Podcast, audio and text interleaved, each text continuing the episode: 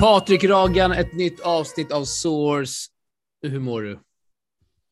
Eh, mycket bra skulle jag säga. Det är, eh, ja, Paris har börjat. De eh, svenska tävlingarna är över, vilket är jättetråkigt, men det har varit som en liten så här, kompensation att, eh, att Paris har börjat nu så att man kan följa svenskarna där, eller svenskarna. Det är Miriam kvar här nu i kvalet, men eh, vi har ju en huvudtävling snart också. Ja, exakt. Det har vi. Den börjar Ja, nästa vecka. Va? På söndag.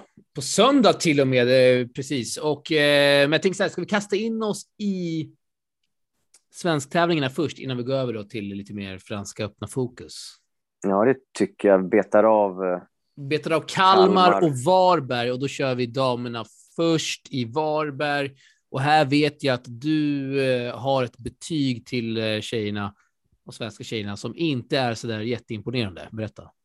Nej, men jag, jag, tycker att, eh, jag menar, vi, vi pratade om Båstadveckan och tjejerna fick eh, liksom lite, mer, än, mer än godkänt, men jag tycker från, från den här tävlingen så, så skulle jag inte säga att det är godkänt överhuvudtaget, därför att det var ingen som, som höjde sig och gjorde någon, nej, men jag tycker ingen höjde sig och gjorde någonting utöver det vanliga. Jag menar, Kajsa var åttonde sida och gick till kvartsfinal precis enligt eh, liksom enligt, enligt sin sidning. Eh, Jackie vann en match eh, mot eh, Rinaldo Persson, så där blir det oavsett en, en svenska som går vidare och sen eh, förlorar hon mot tredjesidade Makarova, vilket inte är så, så konstigt heller med en tuff lottning.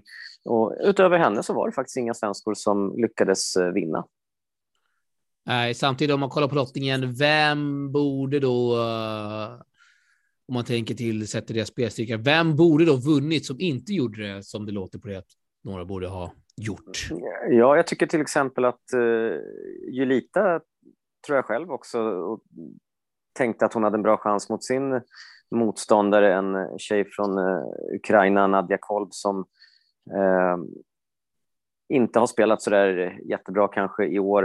Uh, att Julita faktiskt hade en bra chans, men vet faktiskt inte vad anledningen var där, att, att hon eh, inte lyckades eh, vinna den matchen. Det var ju lite tuffa förhållanden där i Varberg också med regn och, eh, och vind och så. så att, annars så tycker jag de övriga hade ju rätt jag menar, tuffa lottningar och, och det finns ju såklart sällan lätta lottningar, men det är just det här med att kunna prestera, kanske skrälla lite grann just när det är tävlingar på ja, hemmaplan. Det, det, var det som, det, var det som saknades i, i Varberg, skulle jag säga. Men ett toppbetyg till i dubbelklassen där faktiskt mm, Verkligen. Julita och, och Jun Björk spelade grymt bra, gick till final eh, i Varberg, semifinal i, i Båstad, plockade riktigt många sköna poäng och, och Kajsa och Jackie som som vann eh, en 25 Riktigt, riktigt roligt. Det var väl Jackis första 25 och Kajsa har ju vunnit många sådana nu i år i dubbel. Hon är ju riktigt, kul. riktigt grym i dubbel faktiskt, Kajsa.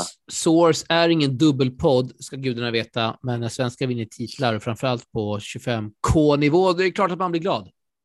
Absolut, det, det tycker jag. Det, jag. Jag blir skitglad oavsett. Så att, du... ja, viktigt med tävlingar på hemmaplan. Jag tror att många ändå fick, fick bra erfarenhet av de här yngre tjejerna med, med till exempel, eh, ja, men, vilka var med? Tilde Strömqvist eh, ja. var ju med och, och eh, Nelly Taraba Wallberg var ju med. Så att, Plockade en pinne där, Nelly, som vi snackade om förra avsnittet också. Ja, men precis. Så att det är ju riktigt, 15 riktigt år kul. gammal, så att det är otroligt kul. Vår, kan man säga att det är vår tjej i podden. Louise Brunskog. Ja, du tänkte på Nelly. Louise Brunskog, var kom hon ifrån? Nej, men ja, vi skulle ringa upp henne. Ja, ja, vi har inte haft med henne än. Men... Det har vi inte haft, men vi har snackat mycket om henne. Det är det jag menar. Ja, Louise Brunskog fick Mona Bartelli första omgången. För vi gillar tuff, tuff att hon uh, grindar på Louise, Louise Brunskog i alla olika platser runt om i världen, trots att det kanske inte eh, går, eh, går vägen resultatmässigt. Ja, jag tycker att det, det är helt fantastiskt. Så henne, henne ser jag fram emot att, att snacka med. Ja, henne ska vi ringa upp. Tuff lottning som nämner, Mona Bartell. Eh, Mona Bartell sen som förlorade mot den norskan där, Malene Hel Helgo, andra sidan, som gick till mm. final mot Sofia Samavatti och där tog det stopp mot Samavatti som spelade TP Open 2020 och som du eh, jag hade ett eh, intressant möte med när du gick ner som någon typ av doktor i den tävlingen då i TP Open 2020. Berätta. Ja, verkligen. Man, eh, i, I TP Open så får man ju agera lite alla roller eh, och eh, i den här, i den här rollen var jag fysio. Hon hade stukat foten, Sofia, och, och jag klev ner och visste inte riktigt hur jag skulle behandla hennes fot men, men den blev bandagerad och hon, hon spelade vidare och Eh, det var mitt första möte med Sofia och det var kul att hon var med i TP Open och hon har utvecklats enormt sedan dess och plockade sin andra 25 nu faktiskt och, och, är ju faktiskt rankad eh, runt 400-strecket nu efter den här segern så det är ju fantastiskt kul. Ja, på god väg upp. Andra 25K-titel. Vill minnas där TP Open, gå tillbaka till det, att du gav henne en liten form av reprimand, va? Eller? Kan man säga det? Eh, att hon skulle spela vidare. Ja, men att hon ville ha en medical timeout på en kvart och du sa nej. Ja, du tänkte så. Nej, det, det får man ju inte ha. Uh, och uh, jag tror att det var, undrar om det var Jun Björk hon mötte då? Kan det varit det? Det kan det mycket vara väl Eller Marta Matula kanske? Jag minns inte. Jag låter det vara osagt, men uh, vi kom nog fram till i alla fall att, att hon ska inte ha en kvarts medical, utan vi bandagerar om den här fort på fem minuter och sen ska hon ut. Sen minns, jag minns faktiskt inte om hon, hur, om hon klappade igen efter det där och inte kunde spela sen eller hur det blev. Du får nästan kolla upp, vi får skyldiga. Ja, hon gick inte vidare, det vill jag i alla fall minnas. Men hon har haft en fantastisk ja. utveckling sedan dess och eh, hon har en, en helt otrolig forehand. Visar mycket känslor när hon spelar också. Det gillar man att se. Ja, det gillar man. TP Opens som är starten på mångas karriärer, inte bara Holger Rune och Klara Tausons. Jag vet, jag vet, inte om eh, Rune och Tauson, om det var liksom, liksom starten på deras karriär. Och typ De hade typ vunnit Junior Paris innan.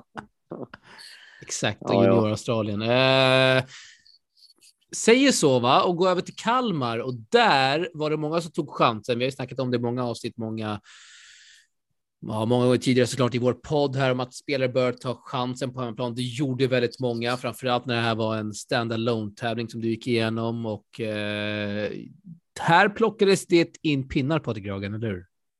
Ja, här skulle jag säga att eh, grabbarna får eh, väl godkänt för, för sin insats därför att det var väldigt många som, som faktiskt just det här som, som jag snackade om innan, att höjde sig och eh, skrällde och tog poäng. Det vill säga gjorde det där lite över, utöver det vanliga och eh, som man precis hoppas i sådana här hemmatävlingar och som du sa en standalone tävling eh, vilket innebär att det bara är en tävling. Eh, tjejerna hade ju två, Båstad och Varberg. Och när det bara är en tävling så är det mindre motiverat egentligen för utländska spelare att komma hit och Kalmar är just ett ställe som det lite svårare att uh, ta sig till från, från utlandet. Så hade, hade det varit Stockholm, Göteborg, Malmö så är det lätt att flyga dit och köra för en tävling. Men till Kalmar tänker man så här, vad, vad ligger det? Hur ska jag ta mig dit? Det blir liksom lite mäckigt. Så det, det gav faktiskt väldigt många svenskar chansen att, att plocka ATP-poäng. Det var ju en av de svagaste 25-åringarna hittills i år ska tilläggas. Alla med världsranking kom in. Ner till eh, ja, men Lucas Renard som har en pinne och är rankad 2050 i världen och sådär. Och, och det var kanske till och med några orankade som kom in. Så det var, det, var, det var riktigt kul. var det. Så vi kan ju gå igenom egentligen lite det grann vilka vi ska. svenskar, eh, ta dem uppifrån och ner som vi tycker liksom har varit eh, Ja, men vet att du främst. är imponerad, eller du var imponerad, för vi snackade tidigare om det i veckan, du gör ett annat sammanhang. Timothy Karlssons segers match mot Reese Wessels, första sida tysken som vann allt. Och eh, där vann då tysken sju i ett eh, avgörande tiebreak med 7-6 eller 7-5 då i det tiebreaket i första omgången. Och eh, ja, seger pressar Wessels där Patrik Kragen. Ja, jag tycker det är helt fantastiskt. Timothy, 18-åring, Eh, aldrig spelat på den här nivån. Eh, var så nära att slå ut en första sidade Wessel som är rankad 346 i världen.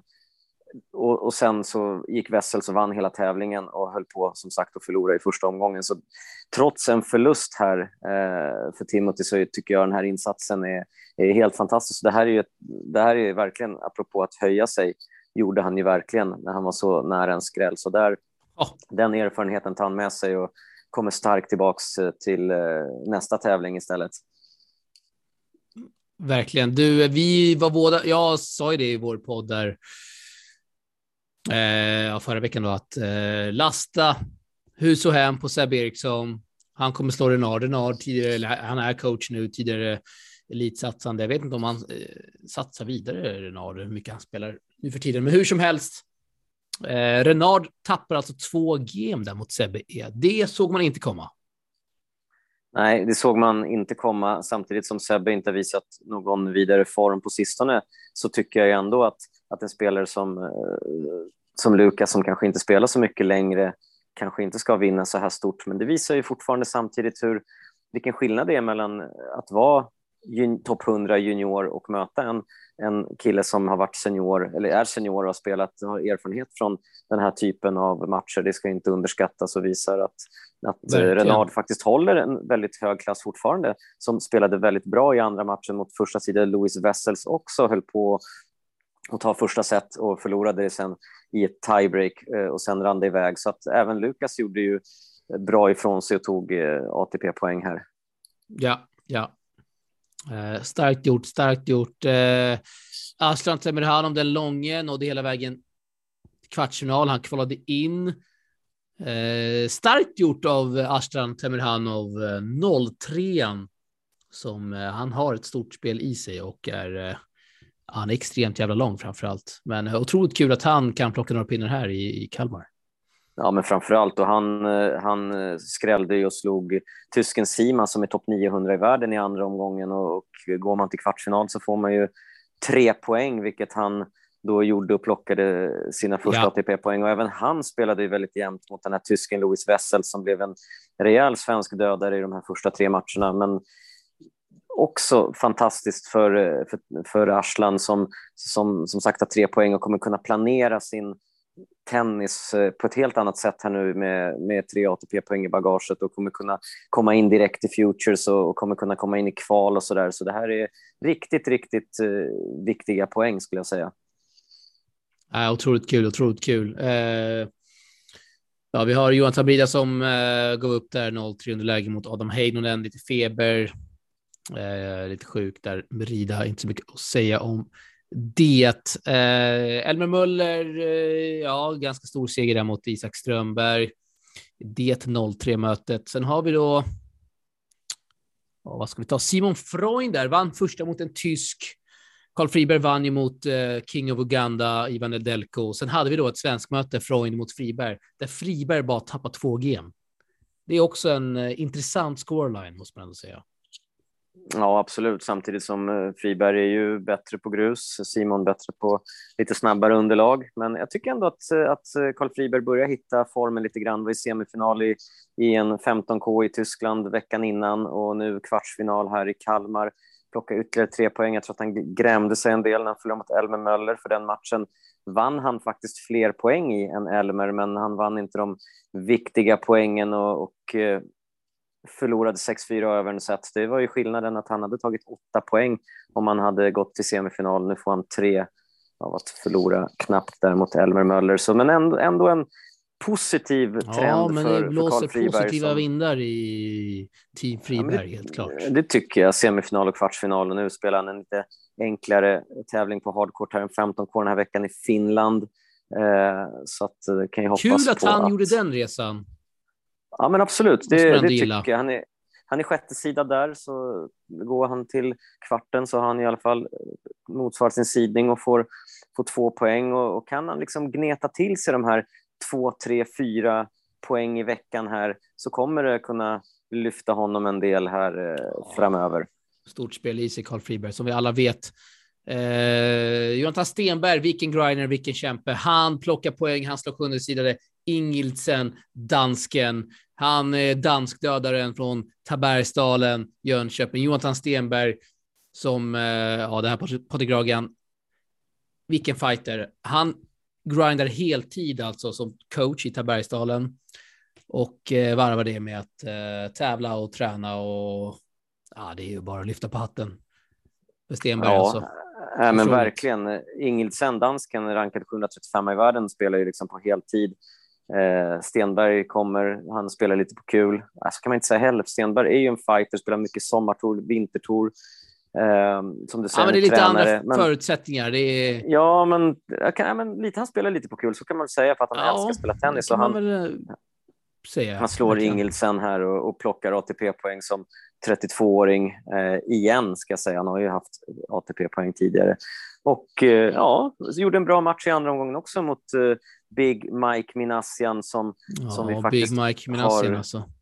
som faktiskt också tog sina första tre ATP-poänger som han gick till kvartsfinal. Och eh, från Big Mike Minassian kan man ju faktiskt höra lite mer av på Tennisportalens hemsida där vi har ett plusavsnitt med honom som vi spelade in efter. Zoom med. TP. Jag tyckte det var bra surr där med Big Mike Minassian. Han verkade avslappnad. Ja, men absolut. Eh, Där, mycket intressant eh, avsnitt som jag tycker faktiskt att eh, ni ska lyssna in på där man får höra lite grann om Big Verkligen. Mikes eh, tennisliv och eh, Ser Framtida. på statistiken, Patrik, att många av de som lyssnar på Source är inte plusmedlemmar. Aha, ja, det blir ett bra tillfälle att bli det. Det kommer komma Verkligen. mer bra material framöver där. Eh, det ska gudarna veta. Helt klart, helt klart. Eh, ja, vi går vidare va? Till eh, Ja, vi har faktiskt sparat det bästa till sist. Leo Borg tänker på såklart. Ja, det tänker jag på. Jag tycker att eh, jag är, eh, måste säga, väldigt, väldigt eh, imponerad över, över Leos utveckling det här året. Och han visar riktigt bra, vad ska man säga, fighting spirit och, och vad ska man säga, vilja att utvecklas och, eh, och bli bättre. Och att gå till semifinal här och plocka åtta poäng, det är ju helt fantastiskt. Det är ju, Leo har ju det här året plockat sina första poäng. Han har tagit sex poäng på hela året, alltså de första fem månaderna och så plockar han åtta poäng här. Eh, kommer Ja, riktigt kul. Push- Riktigt kul. ja, men det pushar ju upp honom på rankingen. Så att Leo är, är ju topp 900 nu när den nya rankingen kommer nästa måndag. Eh, så det, Det är lite eh, breaking news här i podden, hör jag direkt. Ja, men abs- absolut, det, det är det faktiskt. Och, och det kanske många inte trodde och, och eh, kanske fick lite kritik att han fick så WC till, till diverse challenges, men jag tror att det har hjälpt honom och, och faktiskt få lite erfarenhet och, och göra att han är stark här på future-nivå nu. Och eh, jag måste ge Leo en, en eh, Verkligen. stor tumme upp också som, som väljer att direkt från Kalmar åka till Algeriet och spela en 15K där. Det är inte åka hem och vila när man ändå är i Sverige, utan det är fortsätta grinda. Han det åker- gillar vi i den här podden. Ja, det gillar vi. Han åker till en tävling där han är sidad, kan plocka mer poäng och, och fortsätta sitt avancemang på rankingen. Det är faktiskt riktigt, riktigt synd att fler svenskar inte hakar på honom till Algeriet där man faktiskt kunde plocka lite enklare poäng. Och ska även tilläggas att på damsidan så var det faktiskt 11 friplatser i huvudlottningen. Så vilken tjej som än hade åkt till Algeriet hade fått komma med i huvudlottningen. Ja, ja. Eh, verkar vara lite nationella prov på hemmaplan, vad jag hör. Samtidigt, hur många, kan- har vi, hur många har vi av tjejerna som går i nian? Som spelar heltid? Hur många har vi? Det kanske inte är så jättemånga. Eller? Nej, jag vet inte. Det kan vara så också att många väljer att spela Värnamo, gå en J3 i Värnamo också den här veckan och man vill ju som junior säkert eh, ställa upp och spela på hemmaplan, men jag tänker att kanske mer seniora spelare som hade kunnat åka ner som ändå, ändå satsar. Eh, fler än i alla fall Leo och Louise Brunskog som även är där. Ja, men det gillar vi. Och Återigen, Louise Brunskog. Hon ska vi ringa upp snart i podden. Mm. Ja. Eh, vi tänker går vi tillägga, från, från dubbeln kan vi, det finns kanske inte så mycket mer att säga om singeln, men eh, dubbeln Alex, där Nej, vi, också är ingen framgångar. dubbelpodd, men herregud. Vi hade en, nästan en hel svensk final där eh, mellan Simon Freund, jo, Johannes Ingildsen, dansken då, och eh, Timothy Karlsson Seger, Isak Strömberg, eh, där Freund eh, och sin danska partner vann då. Otroligt kul och Freund fortsätter göra väldigt bra ifrån sig på dubbeltouren. Verkligen, han är Eh, ju grym- Återigen, ska han inte göra en gedigen dubbelsatsning, Simon Freund? Eller? Det tycker jag verkligen att han, han skulle göra. Han kommer in i lite challenges då och då och eh, eh vill han bättra på sin dubbelranking lite så kan han faktiskt spela lite mer 25 år och, och, och plocka som han gjorde nu 25 poäng här eh, genom att vinna, vilket kommer hjälpa honom mycket framåt eh, på dubbelrankingen. Så att, eh, nej, riktigt, det är en otroligt, otroligt smart eh, dubbelspelare. Det ser man. Eh, det ser man ju direkt så fort han är på en dubbelbana så eh, är det mycket som går rätt. Så att ja, Absolut. samtidigt. Det här har vi snackat om hundra gånger tidigare. Vill dessa spelare göra den här satsningen? Uppenbarligen inte, för då hade de gjort det redan. Mm. Eller hur? Ja, absolut, absolut. Eh, ja, men eh, ja, vad fan. Ja, vi stänger Kalmar. Det gör vi. Eh, och det borde väl ändå nu, Patrik Lagan, borde väl ändå på förbundets högkvarter snurra en, en tanke eller två att vad fan, ska vi inte arrangera fler tävlingar i år? Precis. Eller nästa år med tanke på att svenskarna plockar så många poäng på hemmaplan och det, det går bra. Absolut, det, det skulle verkligen behövas och hoppas verkligen att, att det kommer komma in fler tävlingar nu det inte blev några i långtora och speciellt just sådana här singelveckor någonstans där det är svårt att ta sig från utlandet. Det är ju perfekt. Till exempel ja, men Jönköping, Småland överhuvudtaget, eh, Värnamo. Det finns ju massa ställen. Värnamo har en J3 den här veckan till ja. exempel. Eh, Ystad kommer ha en 25 här och dam i juli, augusti. Malmö Fair Play kommer ha en 15K i augusti. Lite breaking news här i podden. Otroligt kul. Ja, Men, det där är riktigt, riktigt roligt. Så att eh, där kommer man vara och grinda. Men vi hoppas på fler tävlingar såklart. Återigen då, det hade varit drömmen med åtta tävlingar i långtura. Alltså herregud, vilken grej. Mm. Men eh, ja, ja. ja, den släpper vi. Den släpper vi. vi släpper den. Vi går över till Franska öppna istället. Det tycker, tycker jag. jag. Och vi, vi börjar väl med Miriam Björklund som eh, ja, gjorde det otroligt. Eh, gjorde det riktigt bra idag mot eh, spanjorskan Lazaro Garcia. 6-3, 6-4 såg den matchen. Det var väldigt stabilt från start, förutom när de låg under då, 3-0 där i, i första set. Men eh, rycker upp sig där, Miriam vinner sex raka game och sen så var det Sen så var det körning såklart i, i uh, andra set. Så att ja, otroligt kul. Hon är bra form, bra självförtroende och det syns verkligen. Miriam Kingen Björklund. Ja, jag tycker det är fantastiskt. Du sa det på ett väldigt bra sätt. Hon är verkligen på så uppåtgående och har visat så positiv trend. Och, och tjejen hon ja. möter idag, hon Lazaro Garcia, var ju faktiskt i en final i en 60 bara för ett par veckor sedan och visat riktigt fin form och, och plockat väldigt många vinster i år hittills. Eh, så att vunnit en 25, 25 också. Så att det här var inte någon lätt lottning egentligen för Miriam eh, att få eh, Lazaro Garcia i första omgången och vinner ändå den här matchen. Så tycker liksom ändå att hon, hennes nästa motståndare, Lisette Cabrera, en, en tjej från Australien, hon har ju i sin tur haft ett väldigt, väldigt dåligt år hittills. Eh, och eh, jag tror att, att Miriam kommer att sopa banan av eh, sin nästa motståndare. Att det var den första omgången som var den, som var den svåra för Miriam och nu mot, mot Cabrera så kommer hon faktiskt att ta sig till en, en kvalfinal. Du, jag ser på spelmarknaden att Miriam Björklund står som storfavorit till 1,30 gånger pengarna. Ja, då är jag inne på rätt spår i alla fall. Det känns att, ju bra. Det är ränta, ränta på banken. Mm. Nej, jobbet måste göras fortfarande. Ja, det eh, och, är ju själv, självklart.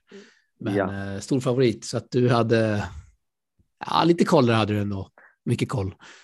Ja, men jag tycker att hon är favorit egentligen på hela sin sektion. De, de tre spelare som är kvar, då, med den Miriam möter och den hon kan få möta i kvalfinalen, jag har kollat igenom de tjejerna lite grann och, och de, ingen av dem har ju haft någon speciellt bra form heller. Det är 15 sidade Busanescu från Rumänien och hon Bandecci eh, från Schweiz, så att liksom ingen av dem har imponerat hittills i år och speciellt inte här på gruset på sistone. Så jag tror att nej, för Miriam nej. så har det öppnat upp en dröm, eh, drömlottning att faktiskt ta sig till Paris här. Är det ingen man känner att shit, det här blir, det här blir stentufft? Nej, det var den här första matchen som jag skulle säga var den tuffaste ja, för henne. Ja. Eh, kul för Miriam, desto mindre kul var det för Big Eli Ymer som förvisso började väldigt starkt.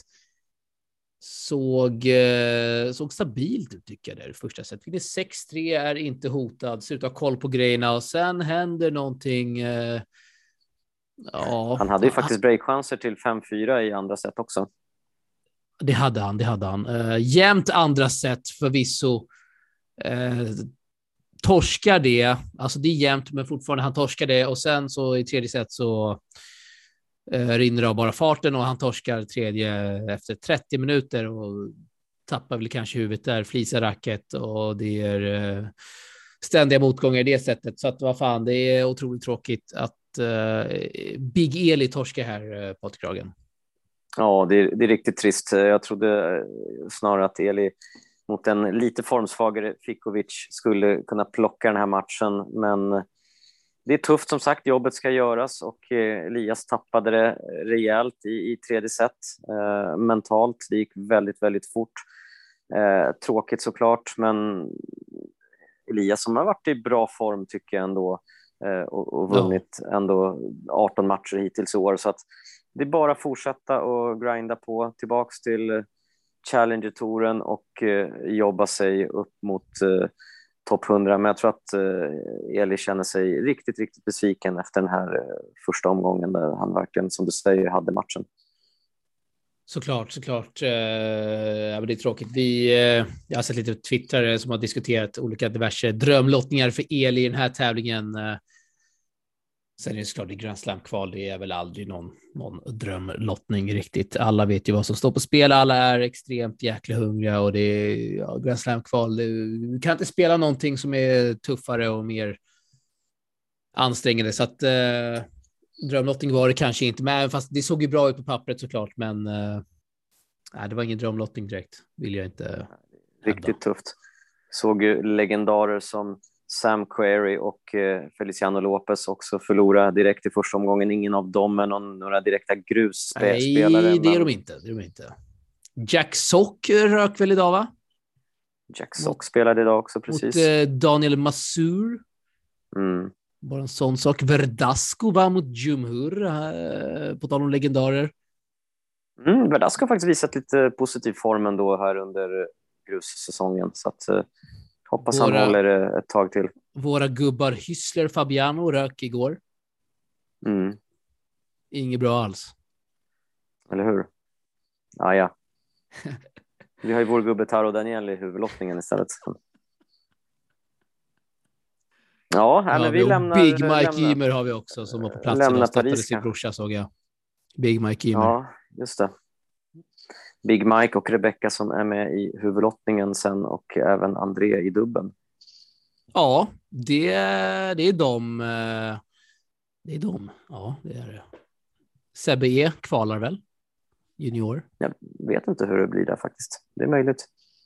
Borde han göra. Borde han göra. Du. Eh...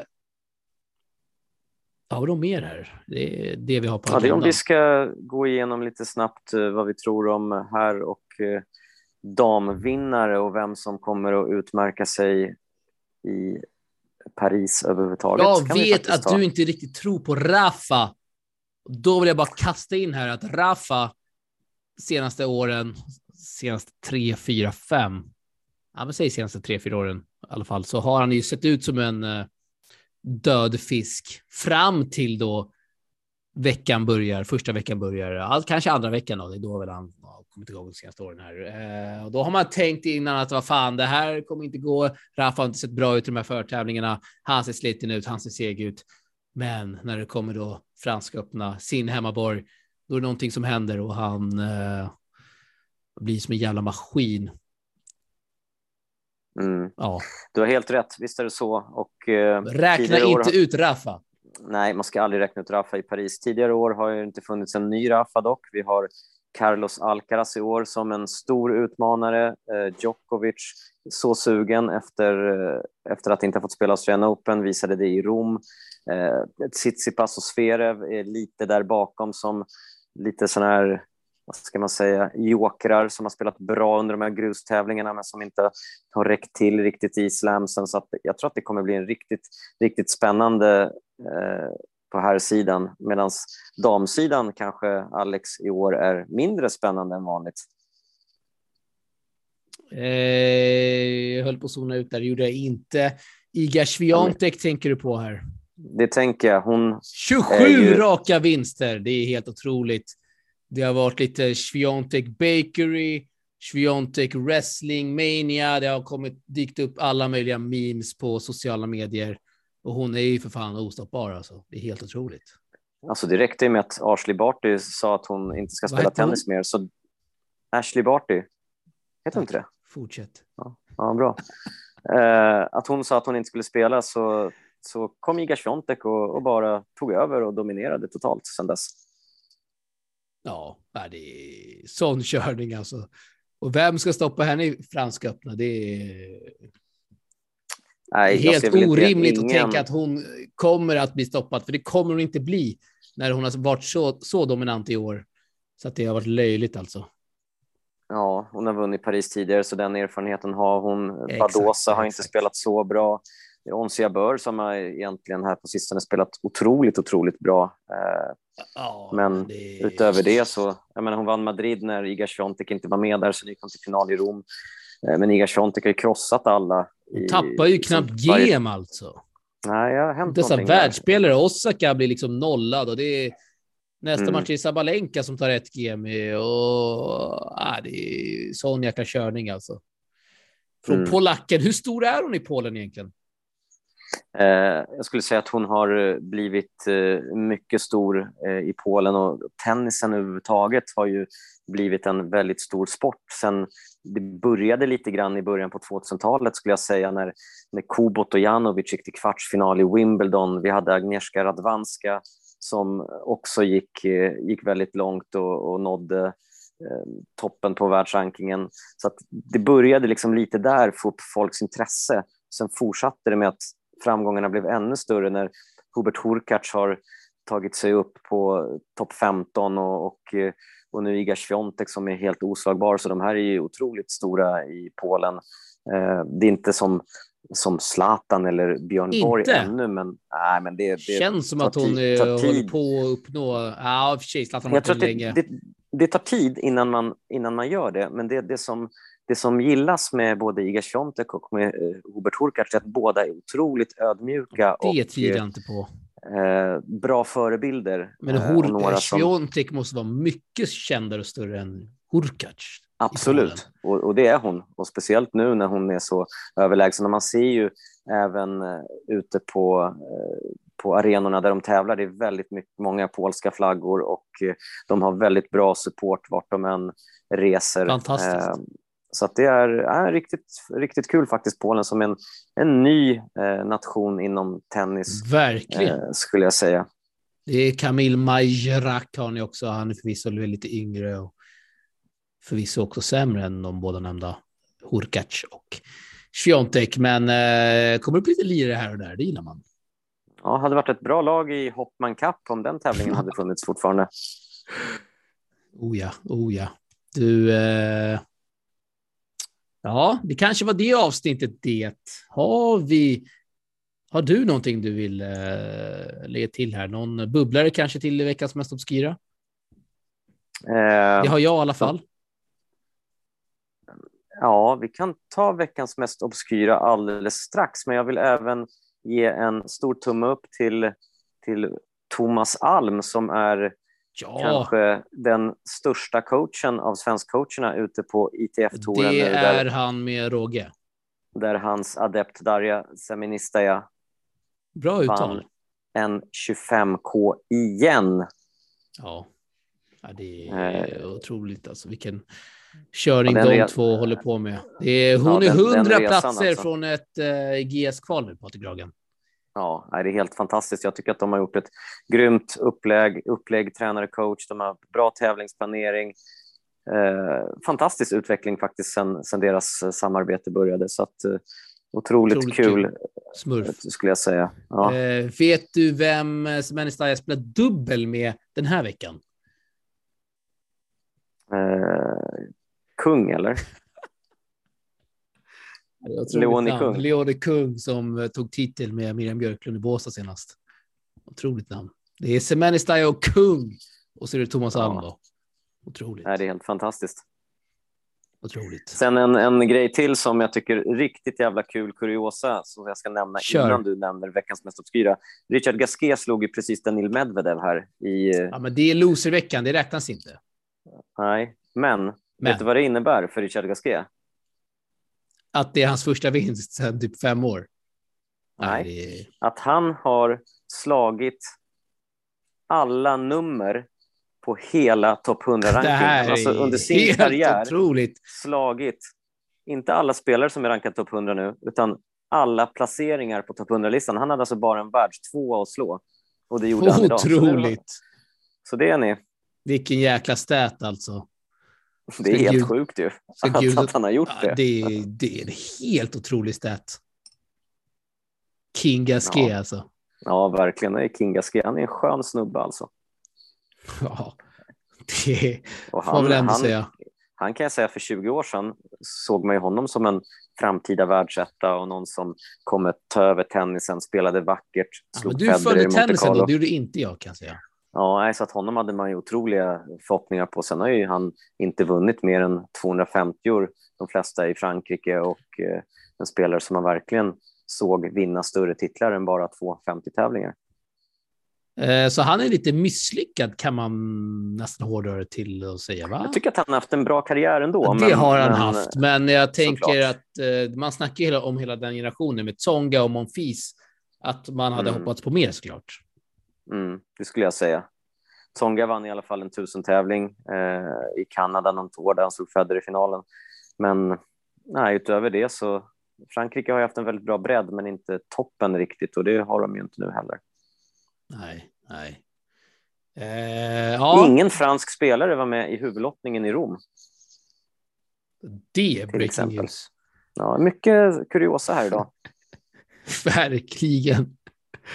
Det är bara, det är bara för att Sid, sidospår, Pierre veckans mest obskyra. Ja, men sidospår. Det här är inte veckans mest obskyra, men Pierre, jag såg att det var lite kritik där mot franska förbundet på Twitter och dylikt olika forum där att Pierre Yg Herbert inte fick ett WC till main draw, men så åkte han i första kvalomgången mot Thiago Tirante.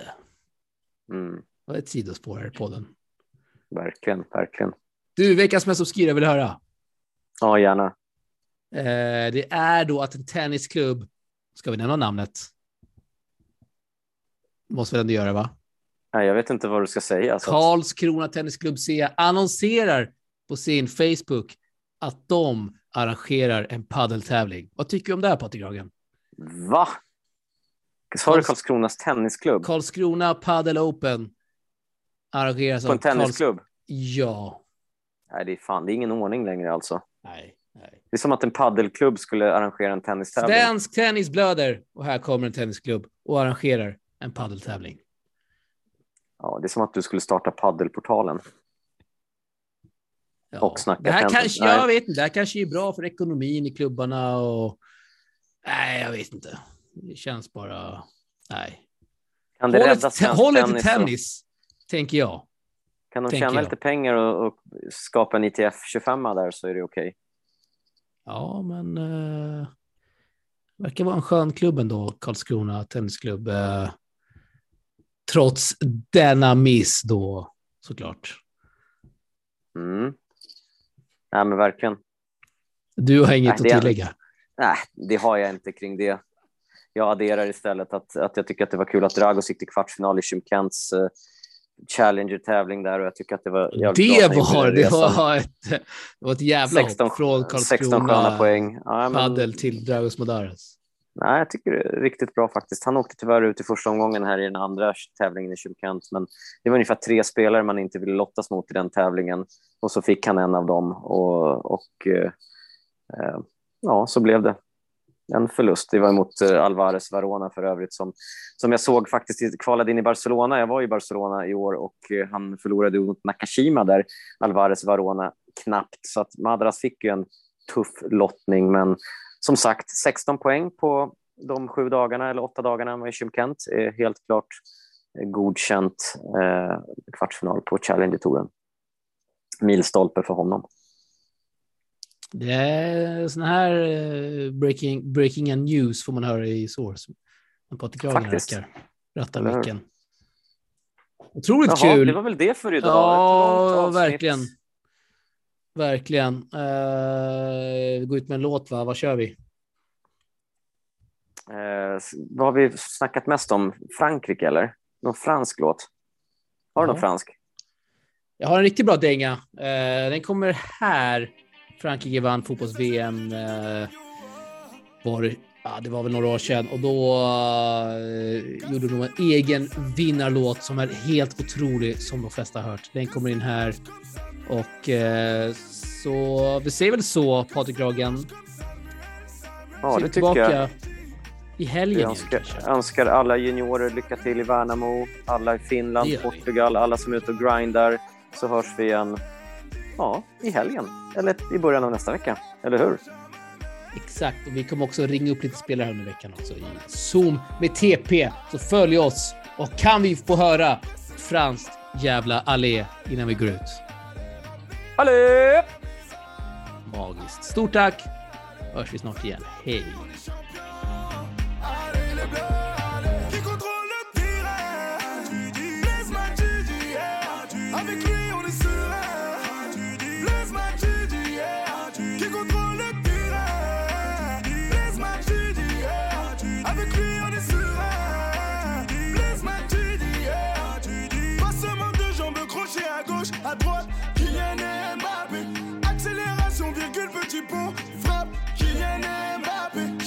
Je suis gaucher ou droitier, je tire des deux pieds. Ousmane Dembélé. Je sais plus si je suis gaucher ou droitier, je tire des deux pieds. Ousmane Dembélé. Ramenez